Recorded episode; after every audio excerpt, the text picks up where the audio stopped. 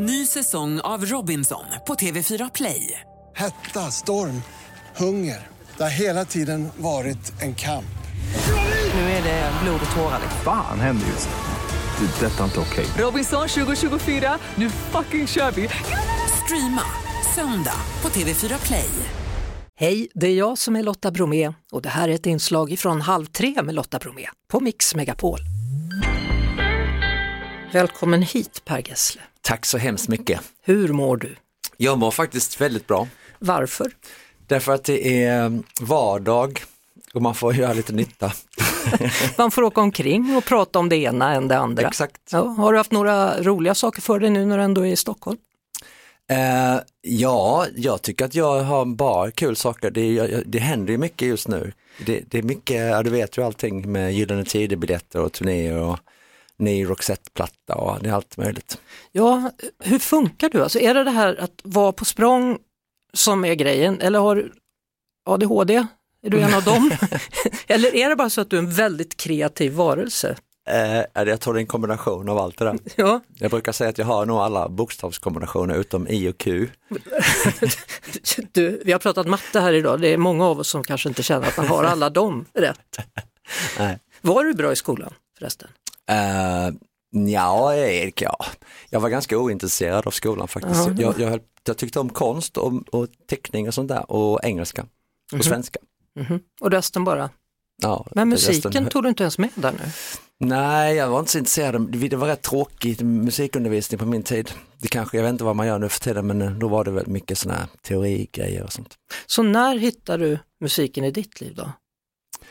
Eh, det kom väldigt tidigt faktiskt, eh, mycket tack vare min sju år äldre bror som hade en eh, gedigen skivsamling. Eh, så att jag redan som 6, 7, 8-åring eh, var jag helt upptagen av popvärlden och popuniversumet. Ja, hade han rätt smak? Han hade en väldigt bra smak, det är en väldigt bred smak som jag tycker är, jag har burit med mig. Det var allt ifrån eh, Hepstars till Led Zeppelin. Så det är egentligen han då som la grunden till dina ackord? Kan man säga faktiskt ja. Det, det, är, det är hans skivsamling som jag grävde ner mig tills jag skaffade en egen. Ja. Ja, hur många skivor har du i din samling? Eh, jag har gjort mig av med mycket nu sen, men jag, jag har kanske ett par tusen LP kvar. LP säger vi då va? Mm. Inga singlar? Jo, massor med singlar också. såklart. Jaha, och var, var förvarar du alla de här sakerna? För jag har problem med mitt. Mm. Ja, jag, har, jag, har, eh, jag har delat upp det LP-plattor i Halmstad och CD-plattor i Stockholm. Okej, och var har du skivspelare då? Nej, det har jag eh, över bägge ställena. På bägge sidor? Ja, ja. Och, och, och det är liksom punkt, det är inte så här liksom att du gör en Spotify-lista utan det är CD eller vinyl. Ja, alltså jag, jag kör ju Spotify också, jag, jag, men jag gillar ju att köpa framförallt vinylskivor då, men det är bara för omslagens skull. Jag älskar skivomslag och doften av vinylskivor. Liksom. Ja. Det, det där att hålla i, i skivan och när man lyssnar på den är lite magiskt. Min dotter har ju hunnit bli 16 år nu Mm. och hon håller just nu på och försöker samla vinylskivor. Mm. Men det är mycket för att sätta upp det på väggen. Ja, ja men jag fattar det. det är, man, man tänker på all, all den här musiken som man växte upp med Aladdin Sane med David Bowie eller Sticky Fingers med Stones eller vad det nu är, Mm. Sgt. Pepper. Utan skivomslagen så blir de ju helt platta. Skiv, skivomslagen är ju liksom ansiktet utåt för musiken. Ja, men det är ändå så spännande för sen är hon så här, men om, om vi ska lyssna på den då, då måste vi ha den där grejen som snurrar. Ja. Sen, ja, det är en skivspelare. Och så, ja, men kan vi sätta på? Nej, men det går inte, du måste ha en förstärkare också. Vad är det? Förstärkare? Ja, så måste du ha lite högtalare. Ja, men kan man inte bluetootha in i högtalaren? Nej, det kan man inte. För, du måste sätta dem. Alltså det är en helt ny värld som Ja, öppnar sig för henne. Absolut. Ja, Så du förstår. Sen ska man visa också, här är den här ploppen man hade i singlar som inte Ja. hade någonting innanför. Kommer du ihåg? Ja. Hur gammal är man då? Då är man gammal. Är det så? Mm. Du sa, när du skulle komma hit så sa du, kom, säg inte att jag ska komma för tidigt för jag är gammal nu vet du. Mm. Känns det här okej? Nu är det eftermiddag, har du vaknat? Jag har vaknat. Det var hysteriskt det var då kring Gyllene Tider. Mm. Mm. Det var eh, galna år 80-81. Och du bodde med din mamma, din pappa hade gått bort då och dina Mm. syskon, sju år äldre, 14 år äldre, flyttat ut. Exakt. Vad tyckte hon om att det stod folk utanför dörren hela tiden? Eh, nej, hon tog det ganska bra, det, ända tills folk började stjäla tvätt skylten som hängde på strecken och eh, nummerskylten på bilen. Och Ja. den här, man hade ju sådana master på bilarna på den tiden, Mm. de skruvades ju av. Kära nån. Vad, vad sa hon då? då? Eh, då tyckte hon att det var dags för mig att skaffa egen lägenhet, Jaha, så det gjorde jag.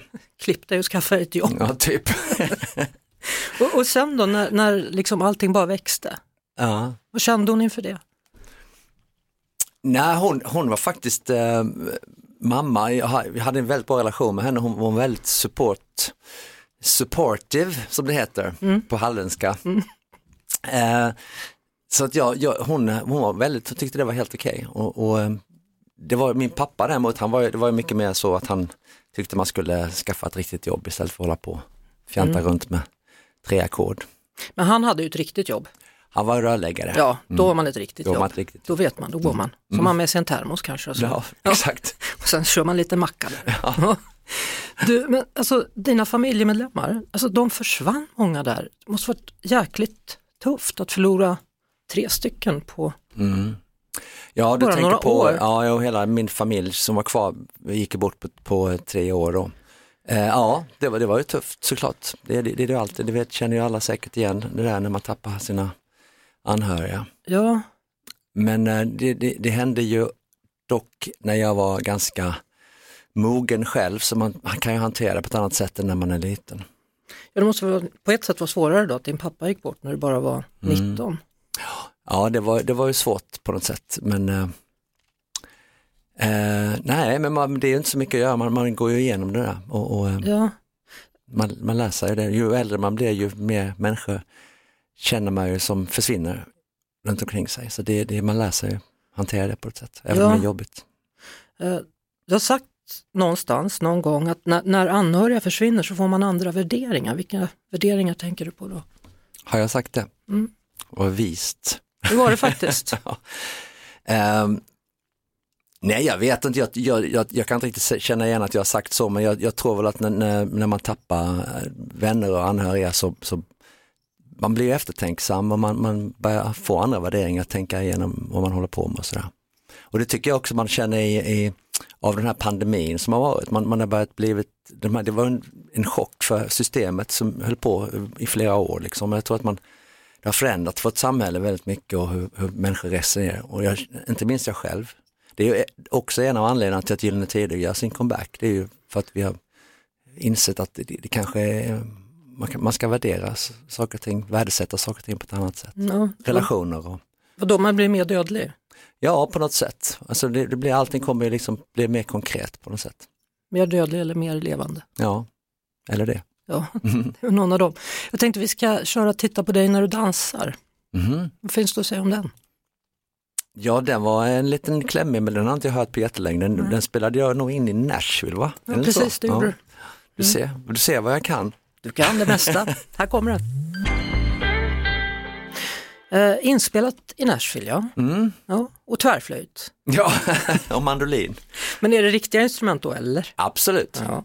Det är ju, herregud, det är ju Nashville. Till skillnad från ditt andra projekt där du satt och skruvade på saker och gjorde techno då. Ja, det här Monomine tänker du på. Ja. ja, det är motsatsen kan man säga. Det kan man göra. Kommer du göra det ännu mer tror du? Eller kommer det vara mer så här på riktigt?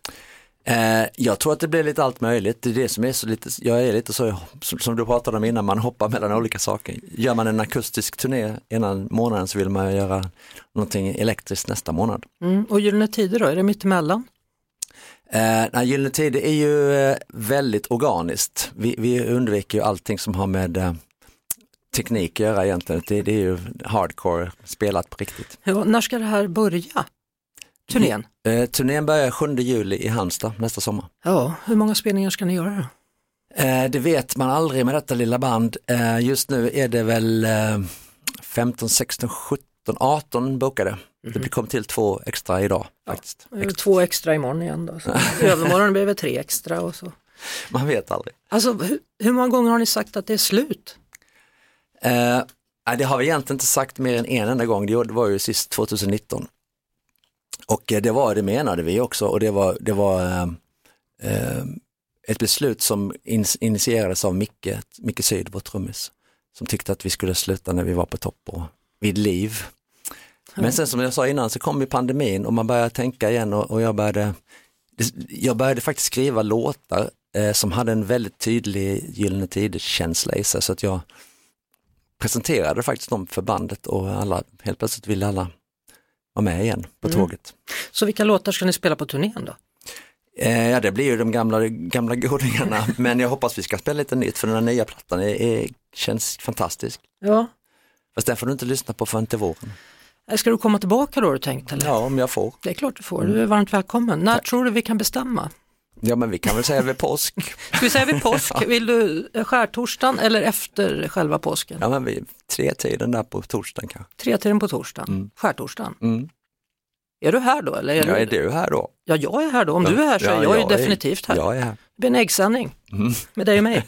Du, apropå eh, en annan grupp då, eh, Roxette, som numera heter PG Roxette. Mm, berätta. Ja, eh, vad ska jag berätta om det? Det är egentligen bara ett, ett, det är en nytt platta som kommer på fredag, ett nytt album som heter Pop-Up Dynamo och det är egentligen en fortsättning på, på Roxette. Jag har försökt efter många om och men bestämt mig för att tuffa vidare på det, med det tåget också. Eh, det var inget självklart beslut eh, men eh, tiden går och jag kände att jag ville fortsätta den resan, mest beroende på att jag skulle vilja fortsätta spela de här Roxette-låtarna live. Mm. Det var så, så tanken var. Och det, det i sin tur baserar sig på att det är jag som har skrivit nästan alla de här låtarna, så det är ju liksom min, mina låtar och det, jag känner, jag vill inte lägga locket på. Däremot måste jag säga att jag, jag försöker inte, har inte försökt att ersätta Marie på något sätt utan skaffa en annan tjej utan det är ju det är de här eh, fantastiska körtjejerna som har varit med i Roxette i många år. Dea Norberg och Helena Josefsson som har Mm. hoppat fram några steg och hjälper till när det behövs.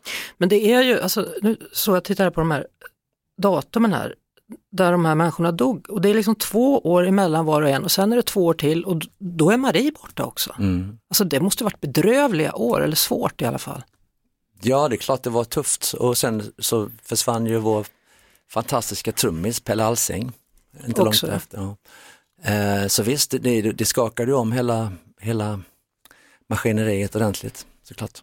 Ja, jag vet ju att sista turnén ni gjorde, Marie skrev ju det i sin, sin memoarbok, att, att det var ju, du gav ju henne den bästa rehabiliteringen, Mm. att åka på den här turnén. Hur kände du när ni åkte runt där? Eh, ja men det var ju fantastiskt, Marie var, var helt fantastisk för att hon gav aldrig upp. Liksom. Hon, hon, det var, jag kommer ihåg i, på våren 2016 så satt hon, hon ville ha ett möte i, i sin bostad där hon berättade att hon inte kunde fortsätta. Vi hade en stor sommarturné 2016 bokad. Vi hade sålt flera hundratusen biljetter ute i Europa men det, hon sa att hon pallar inte längre. Eh, men hon, hon turnerade ju faktiskt från 2009 till tidigt 2016. Eh, Flera hundratals konserter gjorde vi tillsammans. Så, och det gjorde hon ju för att hon var så stark, hon ville det. Så att jag, jag, man säger efter hon blev sjuk, det är ju så länge sedan hon blev dålig, 2002. Så, ehm, nej men det, hon, det, hon var ju fantastisk på det. Jag märker, det är fortfarande svårt att prata om henne för dig. Ja det är klart att det, är- det är tufft. Ja.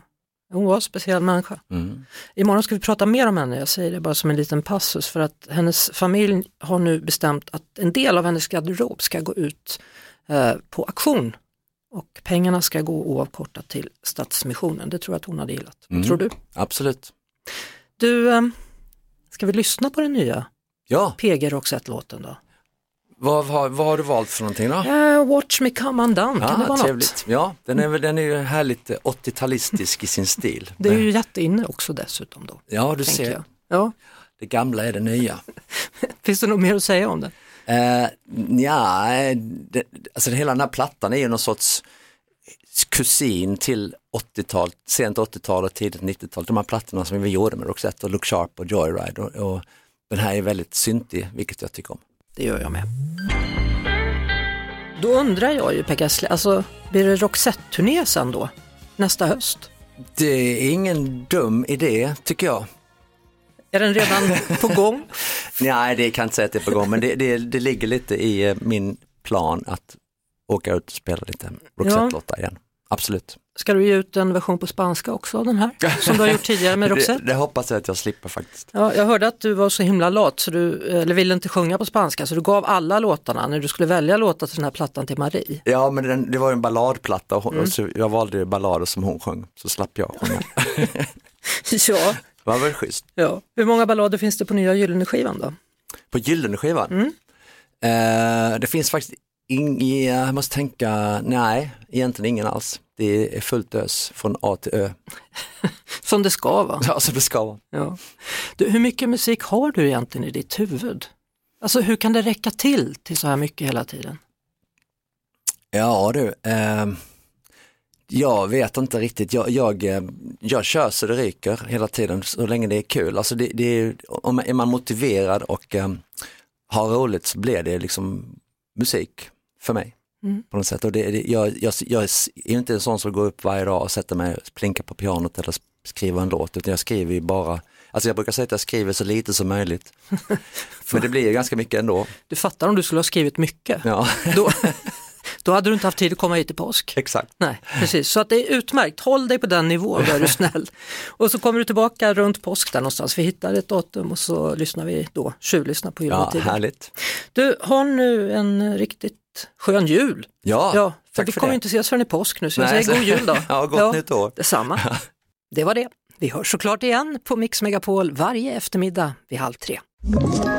Ett poddtips från Podplay. I fallen jag aldrig glömmer djupdyker Hasse Aro i arbetet bakom några av Sveriges mest uppseendeväckande brottsutredningar. Går vi in med hemlig telefonavlyssning och, och då upplever vi att vi får en total förändring av hans beteende. Vad är det som händer nu? Vem är det som läcker? Och så säger han att jag är kriminell, jag har varit kriminell i hela mitt liv men att mörda ett barn, där går min gräns. Nya säsongen av Fallen jag aldrig glömmer på Podplay.